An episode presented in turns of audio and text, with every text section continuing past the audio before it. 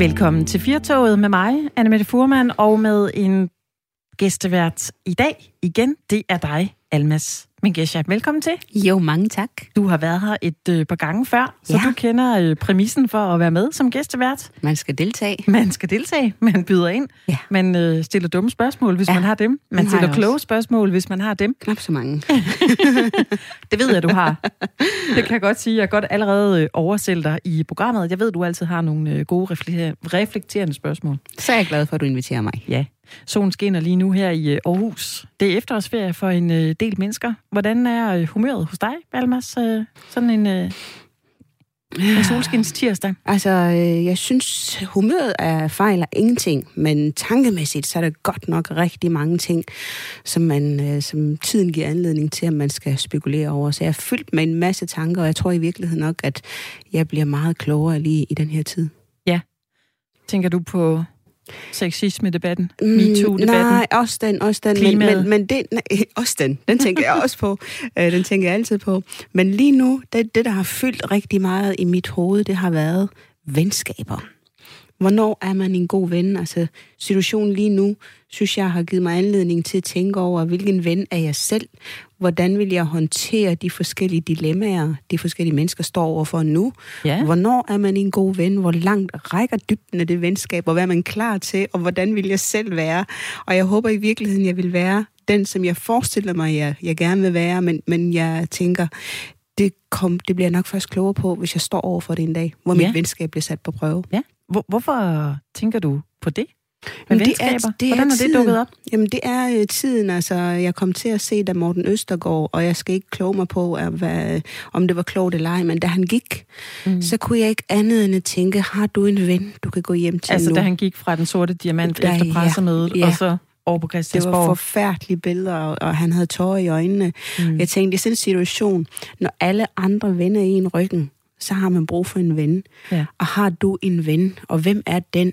Og hvordan, hvordan vil jeg håndtere det, hvis det var mig? Altså, vil jeg, vil jeg hvis- være hvis den rigtige ven? ven? Ja. Mhm. Og jeg snakkede med en bekendt om det, hvor jeg sagde til hende, at jeg har i virkeligheden ondt af ham, altså usagt alt det der, der er foregået, men, men jeg håber, han har en god ven. Og hun skrev til mig, hvis han var min ven, så ville jeg ikke støtte ham offentligt. Hun er ret hård. Så ville jeg ikke støtte ham offentligt, men øh, jeg skulle nok fortsætte med at være hans ven. Og det Ja. satte mig i sådan nogle dilemmaer, hvor jeg tænkte, hvornår, hvornår er man en god ven, og hvordan er man det? Når det bliver, for det er jo nemt nok i hverdagen. Det er jo ja. nemt nok at være en god ven. Ja, Det er jo, når det bliver sat på prøve. ja. Så skal man finde ud af med sig selv, hvad indeholder jeg, og hvad indeholder dybden af det venskab, vi har. Ja. Ja.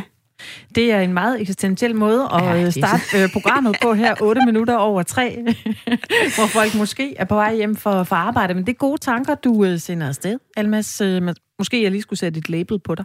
Hvis nu Nå, ikke det folk... har vi må hellere øh, øh, varedeklarere mig, ja. Ja, det er det. Du er socialrådgiver, og så er du medlem af Venstre i Aarhus. Yes, det er rigtigt. Så har vi den på plads. I øh, dagens udgave af, af Firtoget, der skal vi tale om det at, at lyve. Så skal vi på en radiorejse til Vestjylland, og den inkluderer at køre på Puk Maxi Mm-hmm. på den gode måde. Så skal vi tale om, om man bliver en idiot af at være nogens chef. Og så skal vi også tale om, at øh, robotter kan være med til at løse problemet med hungersnød. Det Spændende øh, program, det er ja, lidt og så også lidt over af det løse. Også lidt i den eksistentielle del, jo. Jo. Altså, omkring det her med løgne. Ja, det er det. Hvis øh, dig, der lytter med her til, til Firtoget, har lyst til at, at byde ind med et eller andet, du er uenig i, eller enig i, eller gerne vil fortælle os om, så øh, er telefonnummeret som sædvanligt 72 30 44 44. Du kan også sende os en sms. Husk lige at skrive R4, inden du sender den afsted, så send den til, til 1424. Så kan det være, at vi øh, hiver den med her i øh, dagens program af, af Firtoget. Mit navn er Mette Furman, og dagens gæstevært er Almas Mangesja. Sagen om krænkelser i radikale venstre kører stadig derudaf, for løbende kommer der flere krænkelser frem i øh, offentlighedens lys. Og det sker i lyset af, at ledelsen har håndteret det hele meget ad hoc, så når øh, en krænkelse kom frem, så anerkendte man, at den fandtes, men så var der vist heller ikke mere at komme efter. Og når jo, det var der vist nok alligevel. Formanden, der havde krænket Lotte Rod, øh, men så var der lige en sag, og så var den sag også ude af verden. Ah, ikke helt alligevel. formanden Morten Østergaard, han havde også lige tre sager mere hængende på sig. Men øh, dem havde den nye formand, Sofie Karsten Nielsen, altså ikke kendt til. Nej, nej. Eller jo, hun kendte den faktisk godt, den ene om Katrine Ropsø, men hun havde lovet Ropsø fortrolighed, og øh, derfor så kunne hun ikke fortælle, at hun kendte til flere sager. Det har fået os til at stusse over, at der er en lidt øh, spøjs tolkning af begivenhederne hos radikale venstre, men er det decideret løgn eller god tro med øh, fortroligheden? Det forsøger vi at finde ud af nu. Vi har nemlig allieret os med dig, Michael Søberg. Velkommen til programmet. Tak for det. Du er administrerende direktør i Human Advisor, hvor du rådgiver om øh, krisekommunikation og konflikthåndtering, og så holder du foredrag om, om løgn og, og kropssprog. Og vi kører jo øh, den her igennem som et øh, eksperiment, ikke? Altså øh, med andre ord, hvordan det, hvordan det ser ud ud fra din faglighed, når, når tingene de udspiller sig, så som de gør. Først og fremmest, øh, hvor overbevist er du om, at øh, vi har fået hele sandheden om Morten Østergaards krænkelser, hans øh, afgang og så også øh, nuværende håndtering i radikale? Altså, som, som, som du selv sagde til at, til, til at starte med, så, øh, så er der vel, øh, altså, så er det vist øh, sådan ret tydeligt, at at der har været flere lag i, i, i de her ting. Øh, og øh, der er også noget, når man bruger den der bestemte løgntype, som er det, man kalder en udladende løgn, hvor man måske ikke lyver direkte om, hvad der er foregået, men man undgår at fortælle ting, som er, som er væsentlige øh, i, i, i konteksten, som er sådan en meget klassisk ting, når man har mange historier og mange ting, som man skal, som man skal holde styr på. Øh, lige præcis den type øh, af løgn, den, den har det så med at give problemer, hvis der er nogen, der bliver ved med at trække i trådet. Øh, fordi så er det, at, at der kommer sådan en, en længere kæde af historik øh, frem, som, som jeg tænker, at det vi, har, vi, vi oplever lige i øjeblikket. Mm. Med dit kendskab til, til løgne og, og kropssprog, hvilke ting har du hæftet dig ved i, i sagen om, øh, om interne krænkelser hos, øh, hos de radikale? Jamen, jeg synes egentlig, der er en, øh, der er egentlig en dobbelthed i det, fordi øh, der er ikke nogen tvivl om, at øh, de involverede, altså både Morten Østergaard og Sofie Carsten Nielsen, har, altså vi har kunne se nogle af deres reelle følelser i, øh, i, i sagen, altså både vrede og, og, og skam. Øh, men, men det ændrer heller ikke ved, at der har været sådan nogle interessante øh, små sådan lysglimt af, at måske ligger der mere bag historien. Øh, altså når man er, øh, når, når man er nødt til, eller når det bliver vigtigt for personen, som man ser på fjernsynet, at forklare, øh, inden vedkommende er blevet spurgt, at øh, jeg har først lige fået tingene at vide nu. Så plejer det at være en meget god indikator, det, det vi kalder det for et kvalificerende udsagn, og det er en ret fin indikation på, øh, det er i hvert fald noget, hvor, hvor vi som, som tilskuere øh, med fordel kan spørge os selv, hvorfor er det, du har brug for at sige det?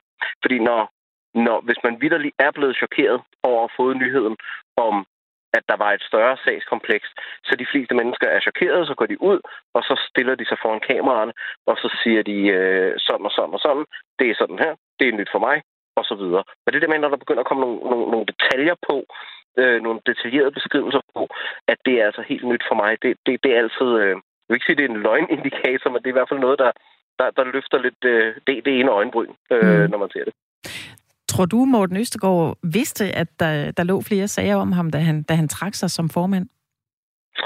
Øhm, man kan jo godt...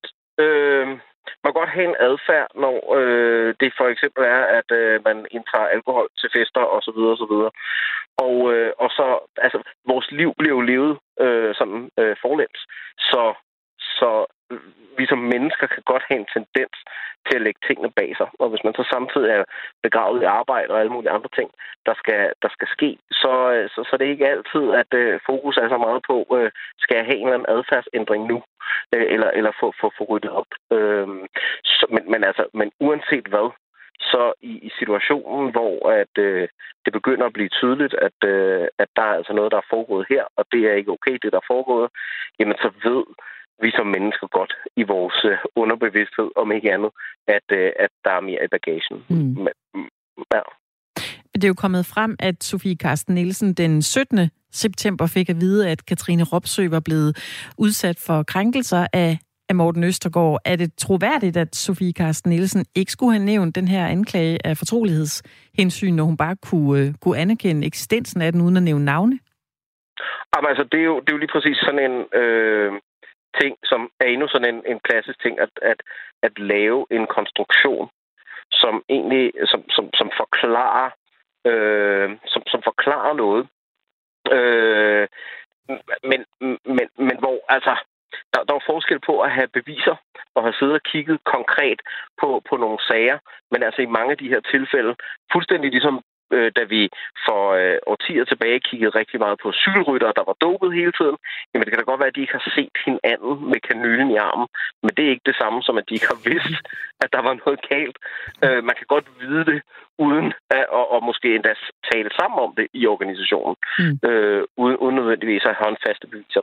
Så det er sådan en, det er, det er en tænkt ting, som man gør, fordi det jo selvfølgelig er et, er et problem, hvis man, hvis man som, som, som ny leder øh, har vidst det. Øh, mm. men, men det er lidt en... Altså, jeg mener, det er en konstruktion. Det er det altså. Der har jo været flere øh, Facebook-opslag fra, fra de to formænd, Morten Østergaard mm. og Sofie Karsten Nielsen.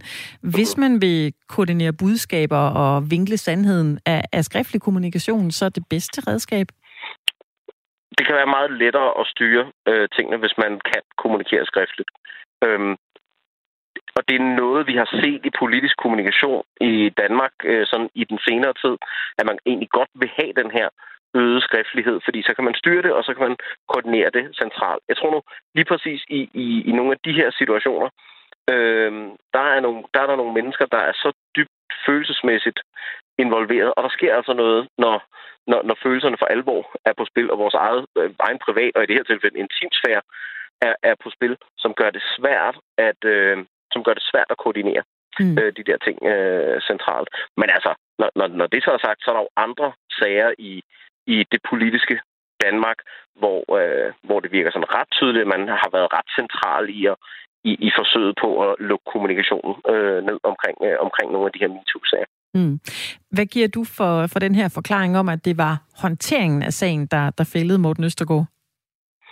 Mm, jeg tænker lidt, at, at, at, at øh, øh, at det var jo i hvert fald det, som blev diskuteret i medierne lige umiddelbart efter, da vi kun vidste, at der havde været øh, en sag, den her øh, sag om, om, om, hånden, øh, om hånden på låret.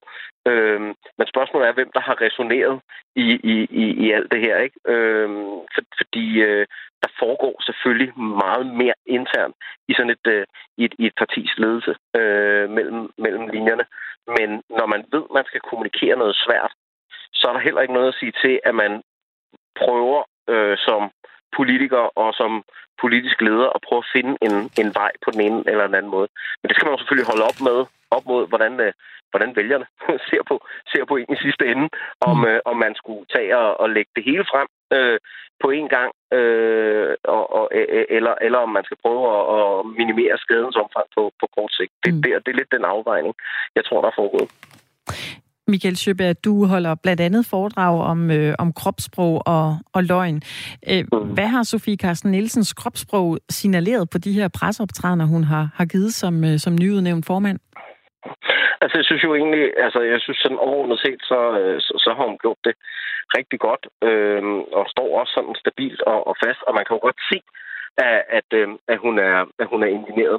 Det er så ikke så godt, det her med, at vi nu ved, at hun har vidst noget, til trods for, at hun har sagt, at hun ikke har vidst noget. Altså, det, det giver altid et problem øh, hos, hos tilskuerne, øh, eller dem, der sidder og ser fjernsynet eller lytter til radioen, når der ikke er sammenhæng mellem, eller hvis vi bliver i tvivl om, vi kan stole på det, personen øh, udtrykker rent følelsesmæssigt, om, om de også er sådan 100% øh, ærlige, ærlige med det, uanset om man kan logisk sådan øh, forklare sig, forklare sig rundt, øh, rundt om det. Øh, jeg, jeg tror, at det, man skal lægge mærke til i de her situationer, øh, er rigtig meget, hvad er det for nogle øh, sætningskonstruktioner, der bliver brugt samtidig med.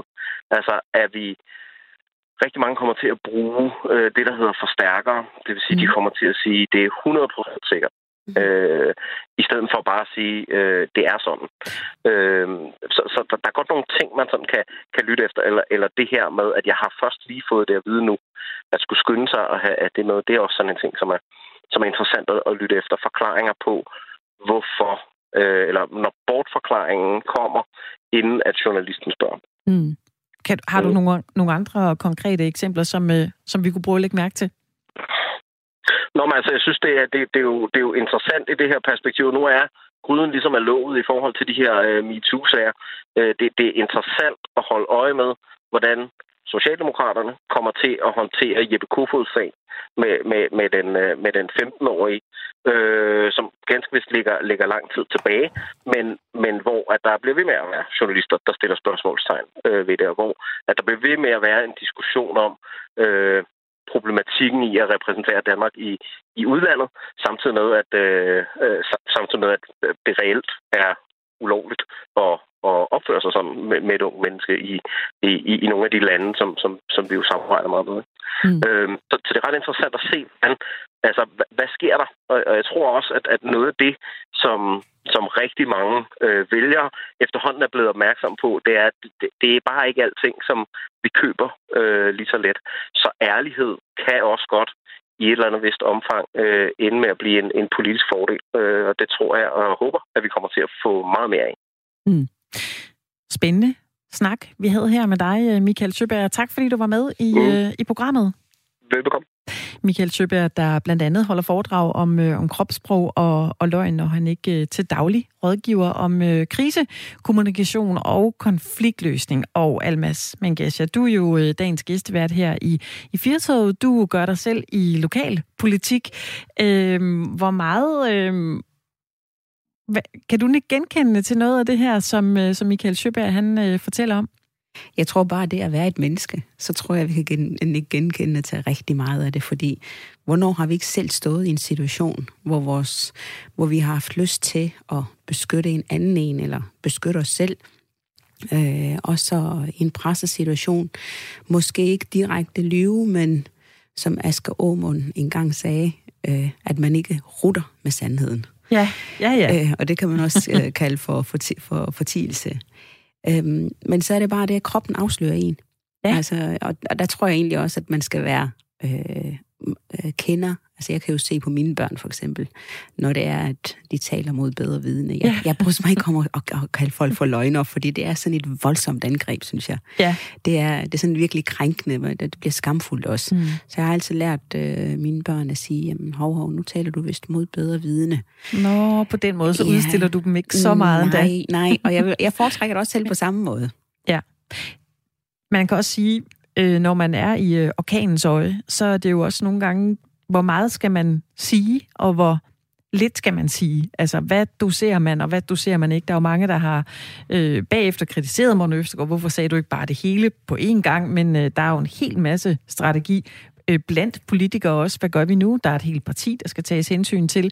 Mm. Øh, der er måske også nogen, der orkestrerer det her, hvad der skal ske på en måde, så man selv føler sig lidt fanget i, hvad skal jeg sige, hvad skal jeg ikke sige, hvad har den sagt, hvad har den anden sagt. Mm. Det bliver jo hurtigt ja, lidt mudret. Jamen jeg tror også, altså man må da håbe, og det går jeg ud fra, at før Morten Østergaard går ud til det der ikoniske interview, altså man kan udlede så meget, jeg kan blive ved med at se på det klip og analysere så mange ting ind i det.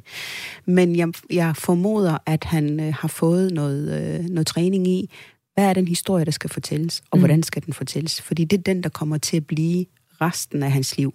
Det er den fortælling, det er et afgørende øjeblik for ham. Mm. Hvordan vil han fortælle den, og hvad skal siges, og hvad skal absolut ikke siges. Ja. Ligesom Bill Clinton.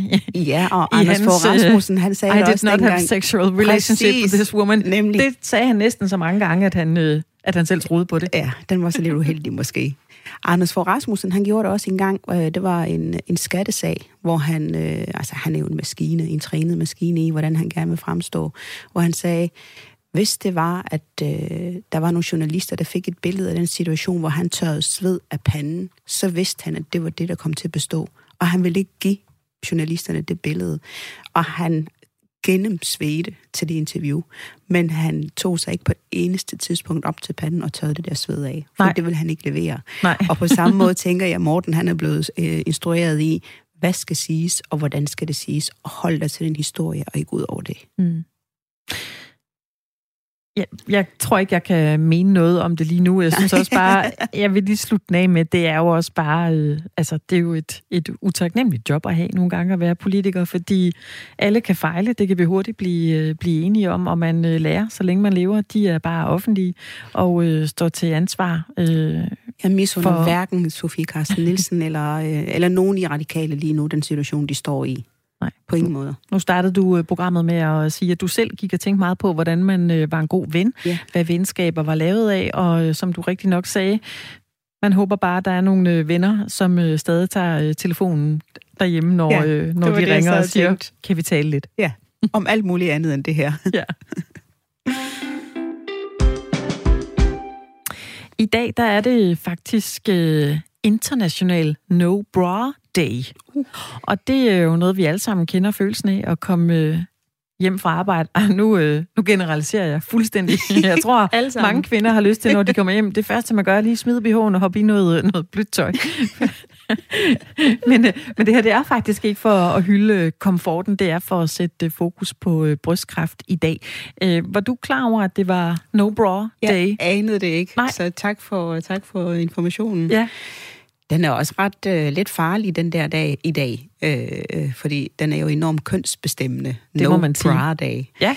Øh, når du så sætter kraftens bekæmpelse, og i den anden ende af det, så, så kan jeg godt se, så bliver det lidt mere legitimeret. Ellers ja. tænkte jeg, så er, det, så er det helt utidigt at begynde at køre sådan nogle kønsbestemte dagsordner. Præcis, der er ja. jo altså også, man kan jo få brystkræft som som mand også jo. Altså, det har det, jeg faktisk det set. Ja, et, et enkelt tilfælde af ja. faktisk, ja. Så, øh, så ja, det skal man måske passe på med sådan en dag som øh, i dag lige for tiden. Jamen, ja, den 13. oktober 2020. Faktisk, jeg har læst i dag, at vi skal til at gå op med det der med de der diva i, i rock and roll genren og øh, Det er rigtigt, ja. ja, ja jeg det tænkte, skulle vi der, ikke sige mere. Der, der, må man heller ikke være kønsbestemt, så, og det kan man så have delte meninger om. Så jeg tror, vi er i sådan en opbrugstid lige nu. Så da du sagde det der no bra day, tænkte jeg, nej, nu gør hun det i sit eget radioprogram. det kan jo være, at vi skal til at hylde ikke at gå øh, med BH. Det ved jeg ikke. Nej. Nej, man ved snart ikke. Altså, øh, personligt er jeg ikke fan af ikke at have BH på. Det skal jeg alene indrømme. Det er Nej. ikke det første, jeg tager, når jeg kommer hjem. Jeg Nej. kan godt lide, at der bliver passet godt på sagerne. det er godt. Tak for den øh, oplysning, Almas. Det er jeg øh, utrolig glad for, at du lige delte med os, øh, med os alle sammen her.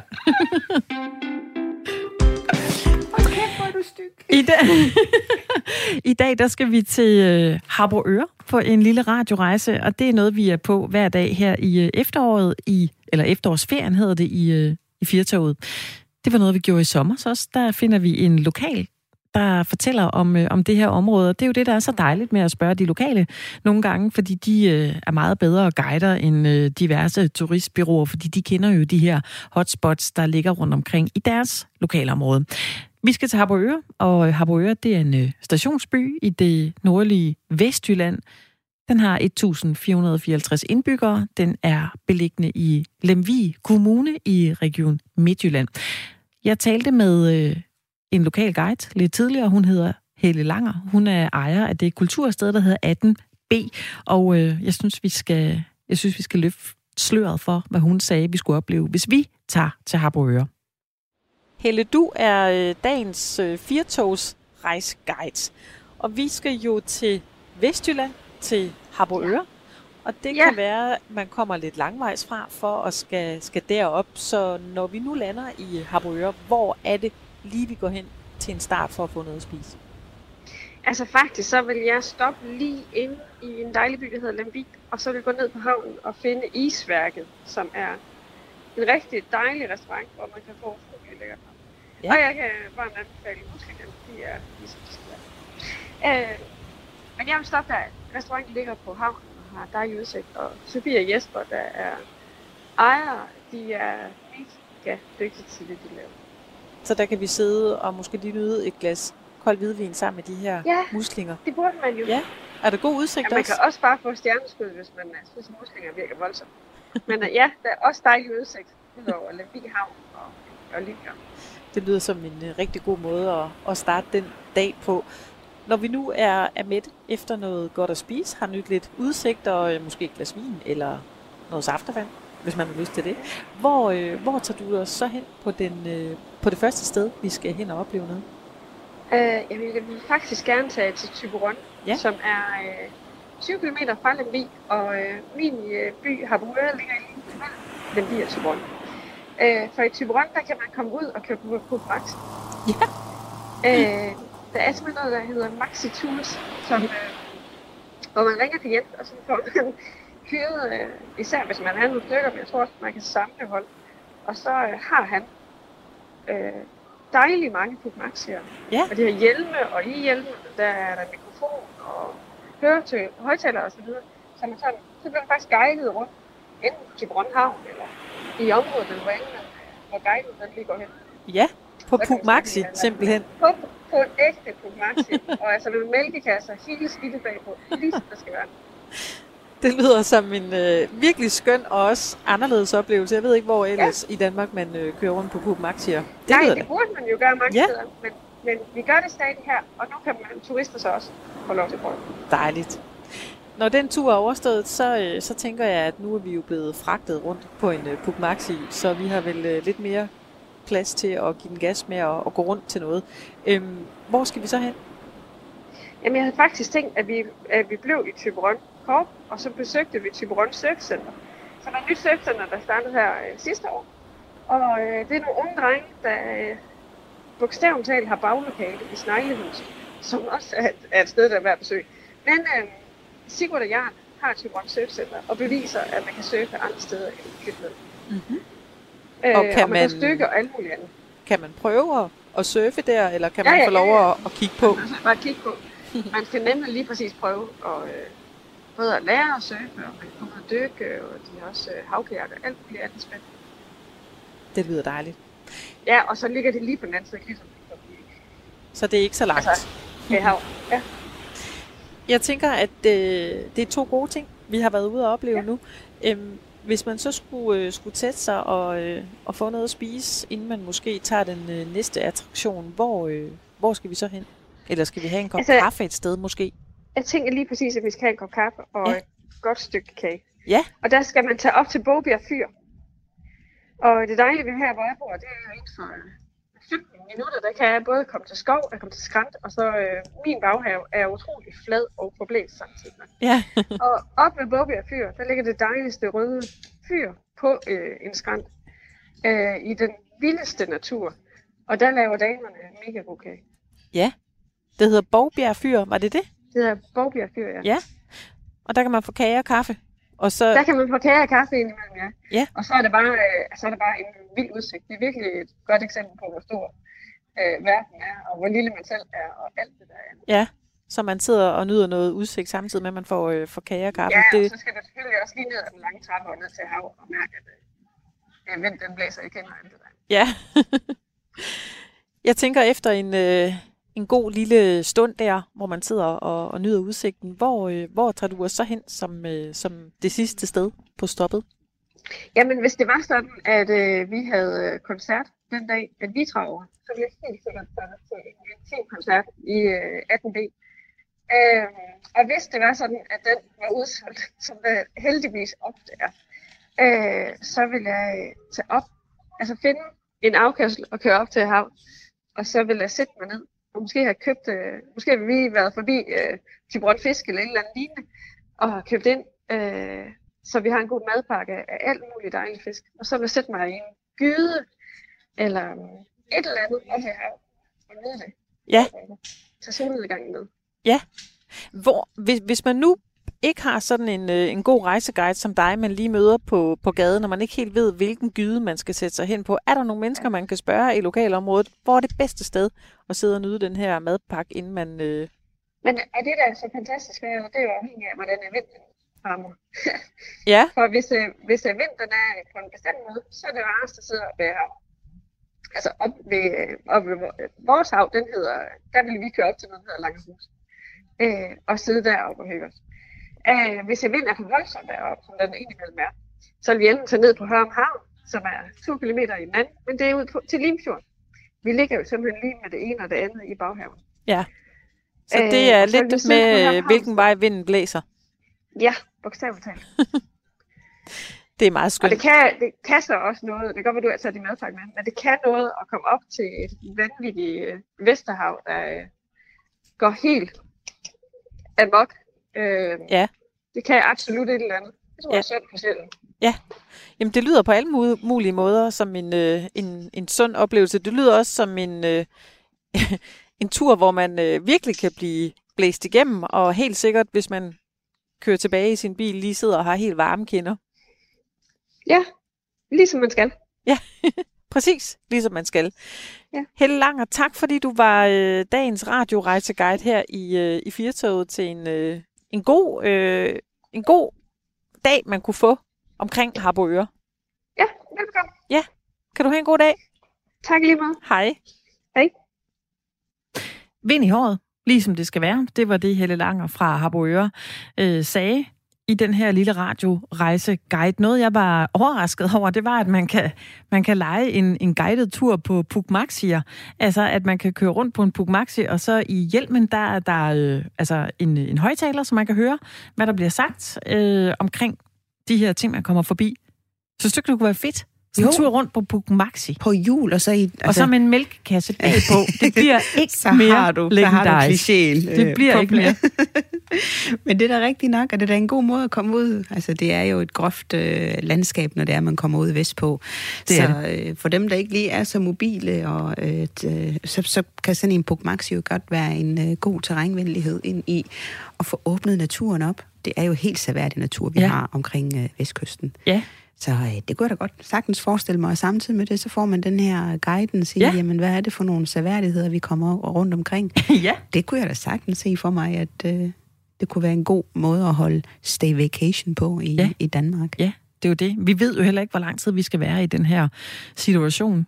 Der er jo øh, allerede en hel masse danskere, som allerede har lejet et sommerhus i øh, sommeren 2021, Mm. fordi vi ved ikke, hvor meget vi kan, vi kan rejse. Og vi har jo talt om i godt stykke tid, at ja, ja, men næste sommer, der skal mm. vi på Mm. festival. Næste sommer, der kan vi. Mm. Og det, det er tyder lidt lidt på, at det, øh, det er ikke sikkert, at vi lige kommer til det. Det er lidt svært at langtidsplanlægge for tiden. Ja. Det, øh, det er det. Og øh, jeg tror faktisk også lige, at var det noget, jeg læste her i dag, at øh, de her mennesker bag Smukfestivalen, de, øh, selvom at der stadigvæk er lang tid til øh, august i, øh, 2021, så er de allerede i gang med at planlægge coronaen ind i den festival, fordi Mm. lige nu kan det, have, kan det have lange udsigter. Som de sagde, vi kommer til at have en festival, men det bliver bare, det kommer bare an på, under hvilke vilkår under, og hvil- hvilke rammer. Og der tænkte de helt klart øh, coronaen ind i det. Mm. Mm. Og det synes jeg egentlig var meget rart at vide, at allerede nu så havde de taget stilling, og de var i gang med at planlægge, hvordan er det, vi kan holde den coronavenlig. Fordi festivalerne, der mangler vi godt nok. Ja. Også de udenlandsrejser, det gør vi, men altså, jeg har været så heldig, at jeg har været en af dem, der kunne få lov til Bornholm, at komme til Bornholm den her sommer. Ja, Og opdage det var jeg også. ø. Ja. Det var jo, altså, den byder jo, den, den, den er jo ikke færdigbesøgt på Nej, en nej. gang. Den, der er mange, mange flere klipper og grotter og sådan noget at gå i. Så den, den fortjener helt klart en tur mere. Ja, Ja. jeg synes, det er ret vidunderligt for, for dem, der vil holde ferie i Danmark, at der er så mange smukke steder. Altså, jeg tror også, der var rigtig mange, der fik sig en på opleveren over at blive hjemme og se, hvor mange dejlige steder vi har øh, i Danmark, som man jo ikke får set lige Mm. på en weekendtur eller, eller sådan noget. Men det er godt. Vi har jo, øh, der er jo god tid så til at planlægge håber jeg, for dem, der skal holde festivaler, uden at jeg ved, hvordan man planlægger en festival. Ja, ja. Men øh, det, Det skal jeg ikke komme og kloge på. Nej, det kan vi ikke sidde her og, og, og mene noget om, for det ved vi jo faktisk ikke. Men, øhm, men dejligt, hvis det kunne blive til bare en lille smule. Ja, altså jeg tror også, at vi skal, hvis vi skal sådan øh, øh, slå os overens med, at vi får ikke det liv, vi havde tilbage allerede næste år. Nej. Men derfor kan vi godt begynde at planlægge, hvordan er det så, at vi får et nyt liv hvor, øh, med, med en corona, men hvor vi samtidig også kan få lov til at deltage i nogle af de der livets aktiviteter, som, som bare er så skønne. Ja. Og en af de ting, en af de steder, hvor Facebook, altså Facebook fungerer dårligt i rigtig mange øh, henseender, men der, hvor den fungerer rigtig godt, det er der, hvor vi deler de her oplevelser med hinanden. Mm. Det er der, hvor det er, at der er nogen, der har fundet nogle skønne danske naturperler, som jeg overhovedet aldrig nogensinde har hørt om, og lige fortæller om, hvor fantastisk det var at besøge det sted. Så bliver man lige inspireret til, at "Nå, jamen, der kunne turen faktisk også gå hen. Ja. Øh, når man holder festivaler på en anden måde, end det man plejer på, havefestivaler og andet, så inspirerer man også nogle andre byer til at tænke, hvordan er det, vi kan tænke livet ind i en tid, hvor tingene de står stille Ja. for tiden. Så det har jeg, den del af Facebook har jeg, har jeg nyt, hvor vi deler de gode idéer med hinanden. Ja. Ja. Et rigtig godt eksempel på at, at, øh, at tænke alternativt, og hvor, hvor den alternative løsning bliver endnu bedre, end den, der skulle have været i virkeligheden. Det oplevede jeg selv øh, i sidste uge, hvor jeg kommer ned på gaden, der hvor jeg bor, i den by, jeg bor i. Der står der 500 skoleelever øh, op øh, langs fortorvet på begge sider af vejen. De har øh, ballonger, de har flag, og de skal hylde deres øh, skoleinspektør, der går på pension. Oh. Normalvis ville de have stået inde i en gymnastiksal og have råbt hurra og tillykke med, at du nu skal til pension, og øv, hvor er det irriterende, vi skal af med dig. Øh, det, der så sker her, det er, at det, det, altså 500 børn, det fylder meget. Det var langt. Det var virkelig mange meter mm. af fortorvet, og og indtil han så kommer kørende i den her bil, så er der jo en masse mennesker, der kører op ad vejen, mm. fordi det er en mm. trafikeret vej. Og de følte sig jo også hyldet. Mm. Så de tændte jo øh, for noget lækkert musik, og yeah. sad med armene ud af vinduerne, og der var jo bare en feststemning, som man næsten ikke øh, kunne lade være med at tage ud. Og så kommer han så, inspektøren, rullende op øh, af den her vej, og kan se alle de her børn, der bare står oh, altså 50 meter op, og han øh, sad jo med med tårer øh, ned ad kinderne og sad og vinkede. Det var virkelig et øh, fint, øh, meget, meget rørende øjeblik. Og det ville jo nok ikke have foregået, hvis ikke der var corona. Hvor er det dog kreativt tænkt, og man kan, sådan, man kan nærmest mærke det helt under huden, ikke? også når du jo. fortæller den der del, at det skal den bare ikke bremse og sige, og sige farvel til vores gamle skoleinspektør. Nej. Han får den afsked, han fortjener. Ja. Og så smitter det bare af på alle andre omkring en også jo. Jo, og så var der faktisk også det her, at altså, apropos festivaler og koncerter, det er jo virkelig lang tid siden, vi har haft den her fællesskabsfølelse, hvor ja. alle bare har den samme agenda. Ja. Vi skal have det dejligt, vi skal ud med nogle følelser, vi skal synge, vi ja. skal alt muligt, ja. som man gør på en festival, eller koncerter, eller andre øh, arrangementer, hvor vi står mange samlet, at øh, det smittede enormt meget af. Og, og der kunne jeg i hvert fald mærke på mig selv, ja. at øh, det er godt nok lang tid siden, man lige er blevet ramt af den der fællesskabsfølelse. Det var nærmest overvældende bare at kigge på. Jeg stod med en, en frisør, en lokal frisør i området, som også bare havde tøj i åndene, bare over at opleve Ej, det her fint. opbud af mennesker, fordi ja. det var så lang tid siden, ja. at, øh, at vi at havde man oplevet rørt. det. Man bliver rørt også ja, jo, ikke? det gør man. Og øh, altså, det var så fint i starten, da vi havde de her øh, altan, øh, altansang og altanmusik, men der gik også råd inflation i den, fordi så havde vi ja. set den, og så havde vi hørt den. Ja. Så, og vi mangler lige præcis, som du siger, den der fællesskabsfølelse ja. i, at man for et øjeblik glemmer at være bange for hinanden. For det er jo ja. ikke virkeligheden det, vi er. Vi er jo sådan lidt skræmt. Der, når jeg sidder og ser film fra før coronatiden, og de står tæt pakket og laver gruppekram og den slags, så får jeg det altså virkelig akavet. Jeg får det virkelig ja. dårligt. Ja. så bare så, så normaliseret er det blevet i min hverdag, at ja. jeg skal være forskrækket for andre mennesker. Ja. Så når det er, at vi, øh, vi kan finde ud af at gå i fællesskab på en anden måde, så tror jeg, det er noget af det, vi har savnet rigtig længe, og så påvirker ja. det også. Ja, Jamen, jeg tror, det. det eksploderer, når vi må komme ud igen. Altså fordi du ved, man går i den her øh, situation, og nu har vi bare vendet os så meget til det, at man tænker jo ikke over, at man føler sig lidt indskrænket Tværtimod, så tænker man over, øh, hvis folk kommer for tæt på. Så bliver man sådan lidt, ja, så hopper man lidt. Men øh, det samme, ja, altså at se en stor gruppe mennesker, eller et øh, fly. Altså, jeg har også sådan, gud, der er et fly på der himlen. Der var en gang. Ja, og det første, man tænker, det er... Det forjættede land. Må de det? Må, må de godt sidde op i et fly lige nu? Hvordan gør de det? Og det er jo, det er jo den her fuldstændig øh, Og det er blevet normalt. Altså, det, det er jo det, jeg normalt. prøver at sige til mig selv hele tiden. Det er blevet normalt, det her. Almas. Nej, du må ikke normalisere det her, fordi normalt er noget andet. Ja. Det her, det er anderledes. Husk det. Ja, præcis. Men det er jo ligesom ikke at, at spise slik rigtig længe, så når man får den, den første lakrids, så er ens mund simpelthen ved at, at eksplodere, ens sanser er ved at, at eksplodere. Det er bare meget mærkeligt. Det kan man gå og undre sig lidt over, at vi har vendet os så meget til det, at, at når der så opstår en situation, der minder om ja. sådan, noget, som der var det normalt var før, engang. Ja, jeg tænker, så bliver man det helt overrasket. Så kommer coronapolitiet.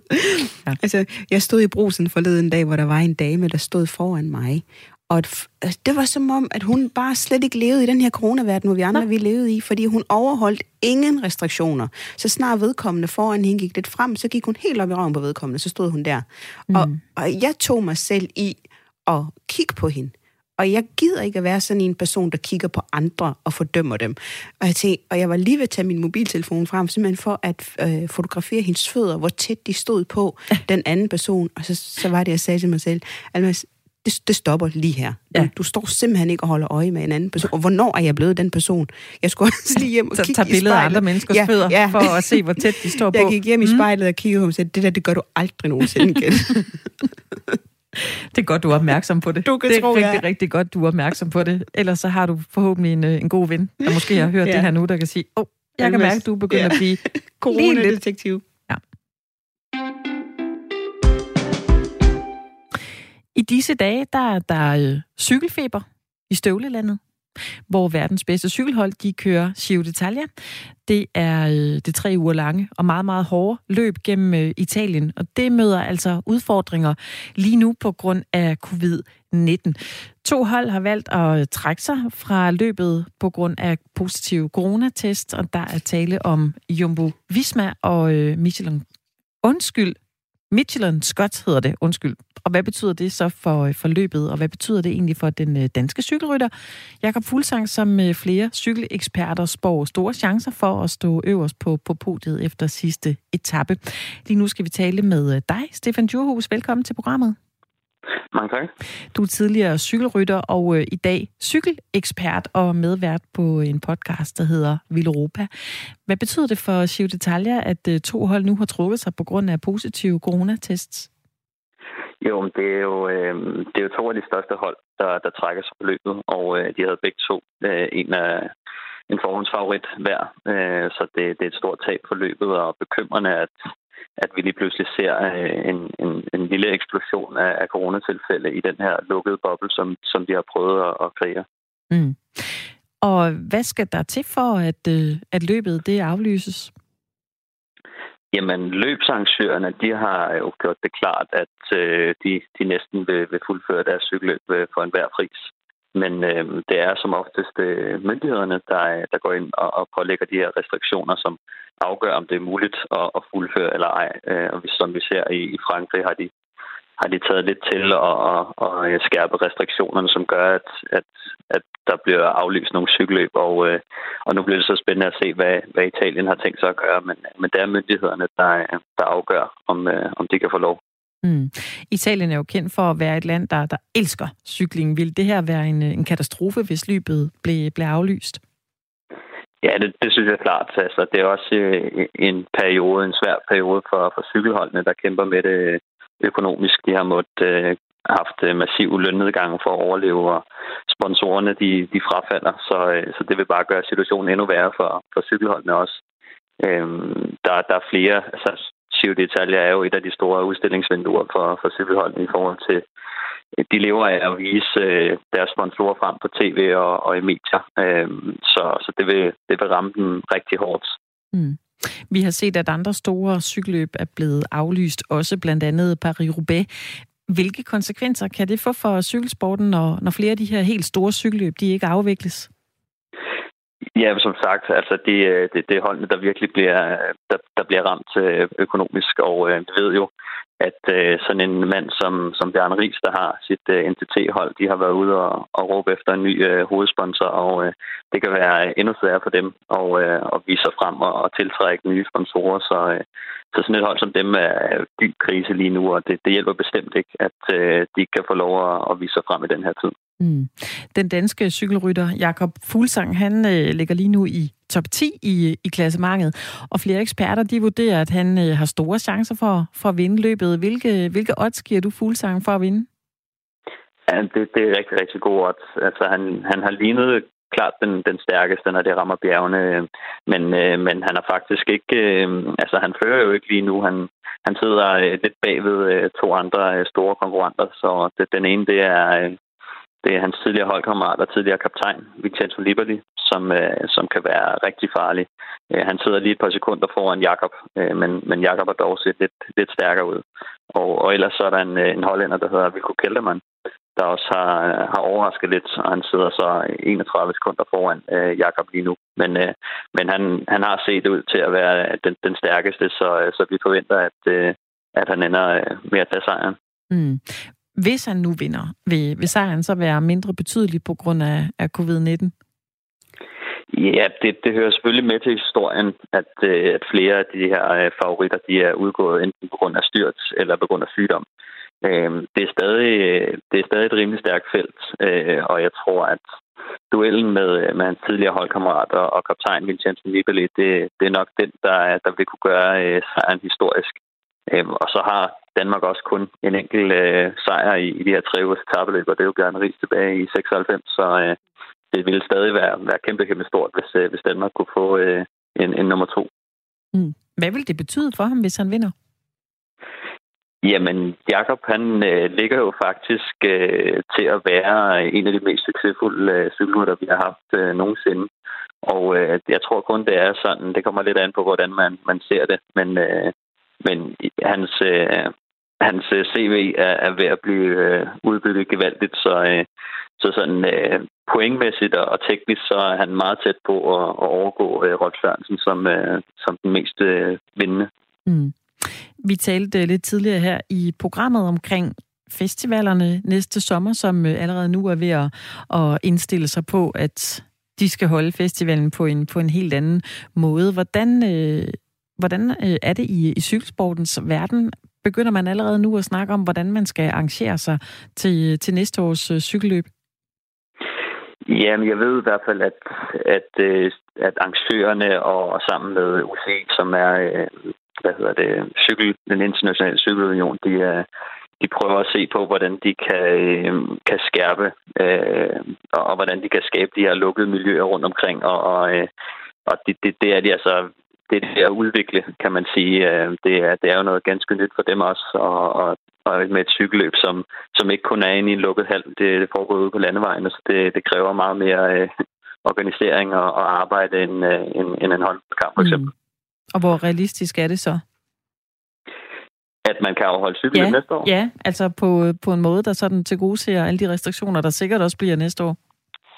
Jamen, jeg tror, det er meget realistisk, at man får øh, cykelløb, men jeg tror, at øh, så, som vi ser det lige nu, så, øh, så, så, så kommer det an på, øh, hvad myndighederne siger til det, hvor mange man må, man må samle sig. Og så længe vi øh, at, at man må være øh, over de her 200-500 mand, øh, så, så vil vi også øh, kunne se cykelløb. Men så tror jeg, at vi kommer til at se de her med, at når man så bliver syg, øh, eller nogen bliver syge, så bliver de nødt til at, at trække sig enten den enkelte rytter eller hele holdet. Så, øh, så jeg tror bare, at, øh, at det er noget, man øh, skal begynde at, at leve med, og, og, og det må være en kalkuleret risiko. Mm. Stefan Johus, tak fordi du var med her i uh, programmet. Ja, tak. Stefan Djurhus, der er cykelekspert og også uh, tidligere cykelrytter. Så det er jo hele vejen rundt. Uh, Almas Mangesha, du er dagens gæsteværk. Værk, vært hedder det. Uh, og vi talte jo om det her med, at man allerede nu jo tager sin forbehold i forhold til at skal holde festivaler til næste sommer, og de her andre større arrangementer. Øh, og det bliver de jo også nødt til at gøre her. Så det er jo hele vejen rundt. Det er hele vejen rundt, det er ja. hele samfundet. Ja. Det, jeg synes, der er interessant, og det er, at det kan godt være, at det, det, det lyder en lille smule konspiratorisk. Det er at tænke nu, hvis der er nogen, der har plantet den her øh, virus i øh, Sion. Ja. Simpelthen fordi man har brugt det som sådan et, et våben imod ej. de her medaljer. Det kunne da være en interessant Ej, nu, tanke. Nu. jeg kunne ikke lade være med at sidde og tænke, måske er der nogen, der har spekuleret i sådan. Jeg skal nok lade være med at fremsætte påstanden, ja, ja. men jeg fik lige sådan et lille øjeblik, hvor jeg blev mm-hmm. en lille smule konspiratorisk. Ja. Ja. Men uanset det får du lov til at være, men jeg kan godt lige lave en disclaimer om, at det øh, er i hvert fald ikke noget, vi sådan øh, offentligt går ud og siger her Nej. fra os i Firtoget, at det er den måde, man har gjort det på. Dig. Men jeg kan godt forstå, at det er jo i forhold til den tankegang. Du kan se, hvordan, øh, hvordan det er blevet. Måske er vi blevet mere øh, mistænksomme over for, hvad ja. der egentlig foregår. Det var selvfølgelig sagt i, i spøj. Jo, jo. Men, men det, jeg tænker, det er, at øh, hvis det nu er, at øh, Fuglsang, han skulle være så heldig at gå ind og vinde den her, så vil det jo være, altså jeg tror egentlig gerne, han vil gerne have sejren på en måde, som man ikke kan betvivle, om det var, for, det var fordi, om de øh, stærke modstandere, de var blevet ramt af sygdom, at han fik uh, sejren for ærende. Jeg tror ikke, den, den ville smage lige så godt, Nej. som hvis det var, han, uh, han vidste, han havde haft uh, uh, kompetente modstandere med på, uh, på ruten. Ja. Det tænker jeg over. Ja. Det er måske ikke den sejr, jeg tænker, der vil være den fedeste at have med, men mere den, hvor man ved, at uh, vi har alle sammen været ligebyrdige, ja. jævnbyrdige i det her. Men det giver nogle point på bogen, som uh, Stefan ja, Johus så sagde. Det, Hans CV, det ja. ser rigtig, rigtig godt ud lige nu, og med en sejr, så, uh, så kan han så uh, bryste sig af det. Ja. skulle helt tilbage til 96 og Bjarne Ries, før vi ja, kunne uh, det er altså også mange år siden. Det er virkelig, virkelig ja. mange år siden. Ja. Uh, ja, mange år siden. I uh, næste time af Fjertrådet, der skal vi blandt andet tale om, at man uh, kan blive en idiot af at være nogen chef. Ja. Det er interessant. Ja, det er der noget om, nemlig. Og så skal vi tale om, om øh, robotter kan være med til at, øh, at redde verden fra, fra hungersnød. Mm. Det er faktisk en øh, ret interessant historie, Meget. hvor en øh, computer har øh, ligesom læst en masse rapporter, og så at der er kommet en øh, konklusion ud af det. Vanvittigt spændende. Og sidst Det du var herinde, så tror jeg, at vi krassede en lille bitte Ja, smule i meget overfladen på, øh, på FN's øh, verdensmål. Verdensmål, yes. Ja. Ja. Jeg vil så gerne afskaffe fattigdom i morgen. Ved du hvad? Øh, værsgo, Almas Mengesha. Gør du det? Jeg Det tror, det her det hjælper os. Jeg tror, det her det hjælper os. Ja, det tror jeg også. Øh, hvad tænker du om det her med, at, øh, at robotter kan, kan være en stor hjælp for at, og, øh, at komme sådan noget til livs som hungersnød i verden? Det virker jo nærmest umuligt. Altså, nu er jeg, inter- altså, jeg, har, jeg har ikke øh, fået nok øh, baggrundsviden om det. Jeg glæder Nej. mig til at høre, hvad det handler om. Mm. Men jeg synes, det er meget interessant at tænke alle former for teknologiske løsninger ind i alt, hvad der kan hjælpe os, både hvad handler om klima og fattigdom og, og bedre, bedre Ja. klode for os alle sammen. Vi havde et, øh, en snak med øh, astrofysikeren, der hedder Michael Linden Wørnle, fordi man skal til at bygge på månen. Bjarke Engels, Det er rigtigt. Ja, det har jeg godt. stjernearkitekten Bjarke Ja, Engels og hans, øh, hans, øh, hans arkitektfirma, der hedder Big, ja. har fået til opgave at bygge de her huse på øh, månen. Øh, og man siger så, inden 2030 skulle det så øh, kunne lykkes. Ja. Øh, og der kan jeg måske godt få det sådan en gang imellem. Altså, hvis man kan det så, altså hvorfor har man så ikke allerede Knækket kraften. Øh, ja, eller øh, hvorfor har man så øh, stadig nogle sygdomme? Man tænker, hvorfor findes det stadigvæk? Ja. Altså, Ja. øh, hvorfor har vi ikke før haft øh, robotter, der kan læse en masse rapporter om øh, mm. verdens problem om hungersnød? Mm. Kan du, kan du få det på samme måde? Ja, men jeg tror måske mere, jeg får det sådan i retning af, bare fordi vi kan. Altså fordi vi mennesker, vi, øh, vi er en art, som gør, at vi kan tænke og fremstille maskiner og alt muligt andet programmer, der kan forskellige ting. Skal vi så også gøre det? Mm. Altså, det, så, så kommer der mere sådan nogle etiske dilemmaer ind. Men ja, altså så længe vi kan gøre kloden til et bedre sted, og et mere lige sted, og et sted, hvor vi alle sammen har adgang til rent vand og føde hver dag, så skal vi bare give den gas, alt Ja. hvad vi kan. Ja, præcis. Ja. Ja. Men det er jo det her med, når man sidder og øh, funderer lidt og tænker, okay, hvis det her kan lade sig gøre, så må det da også kunne passe, at man kan opfinde noget, der kan fikse det her store Coronavirus. problem. Kom nu. Hvorfor er vi ikke kommet? Det kan ikke- Hvor- Hvorfor har vi ikke fundet vaccinen mod coron- coronavirus nu? Det tror jeg, der er en rigtig god forklaring på, men, øh, men stadigvæk, man kan godt få de her, de her tanker, særligt når vi har oplevet den her corona-epidemi, som, vi er i lige nu. Altså det troede man jo heller ikke i februar måned 2020, at vi nogensinde skulle gå igennem sådan en under. periode, mm. hvor vi var nødt til at samarbejde på den måde, som mm. vi har været. Mm. Øh, og øh, folk skal have meget tålmodighed, og man ja. Skal indrette sig på en anden måde, og man er nødt til at vente. Øh, det troede vi jo heller ikke, vi skulle Nej, igennem. nej. Og det har også været meget interessant at se, det er, hvordan den egentlig har ramt forskelligt. Altså, som jeg har kunne læse det, øh, de rapporter, jeg har læst, så har det været, at vi i Vesten har været ramt hårdere end nogle af de der udviklingslande. Fordi det er jo der, jeg har været enormt bekymret på Indien, så det afrikanske kontinent. Hvordan er det, det rammer dem det her, og hvad er det for en modstandsdygtighed, de har over for det? Vi har en stærk økonomi, vi kan lukke landet ned, og så kan vi sende pakker ud og alt muligt andet, som skal øh, genstarte mm. væksten herude. Øh, I de afrikanske lande, der skal de ud på markedet og sælge deres ting. De har ikke råd til at lukke noget som helst inden, fordi så er der bare ikke noget mad at spise den dag til børnene. Så der har jeg virkelig haft ondt i maven over. Øh, og de seneste tal, jeg har set, det er, at øh, de bare ikke er så hårdt ramt. Mm. Og jeg kan ikke, jeg prøver at finde ud af, hvad skyldes det? Altså, Mm. mm. hvad er det, der gør, at, øh, de, øh, at de ikke har den samme nedlukning? Selvfølgelig har, altså, det er jo klart, fattigdom gør, at de ikke kan lukke det ned. Ja, ja. Men hvad er det, der gør, at de ikke er ude og skulle begrave lige så mange, som vi har set for eksempelvis i Italien, hvor de kom i konvojer, militærkonvojer, og skulle begrave deres ældre? Mm. Det synes jeg har været, der ligger der også noget læring i det, og øh, jeg, jeg glæder mig til, at vi kommer på den anden side, og vi kan bruge den her coronaperiode til at, at, at drage forskellige viden og læring ud af, af hele verden. Mm. Er det noget, du øh, bruger meget tid på, det her med at, at tjekke nogle tal og sidde og undre dig over, hvad, hvordan kan det være? Altså er du, kommet, er du kommet frem til nogle konklusioner? Har du talt med nogen om det? Nej, Afrika ligger mig meget på sinde, fordi jeg kommer fra Afrika. Mm. Så hver gang der sker noget herhjemme, så, så kan jeg ikke lade være med hele tiden at Og sammenholde det med. ja. parallel? Hvordan ville Mm. mit liv have set ud, hvis det var, jeg var i Afrika, og hvordan, hvordan, hvordan ville, ville situationen have set ud for, øh, for den familie, jeg har dernede. Så det kan jeg ikke lade være med.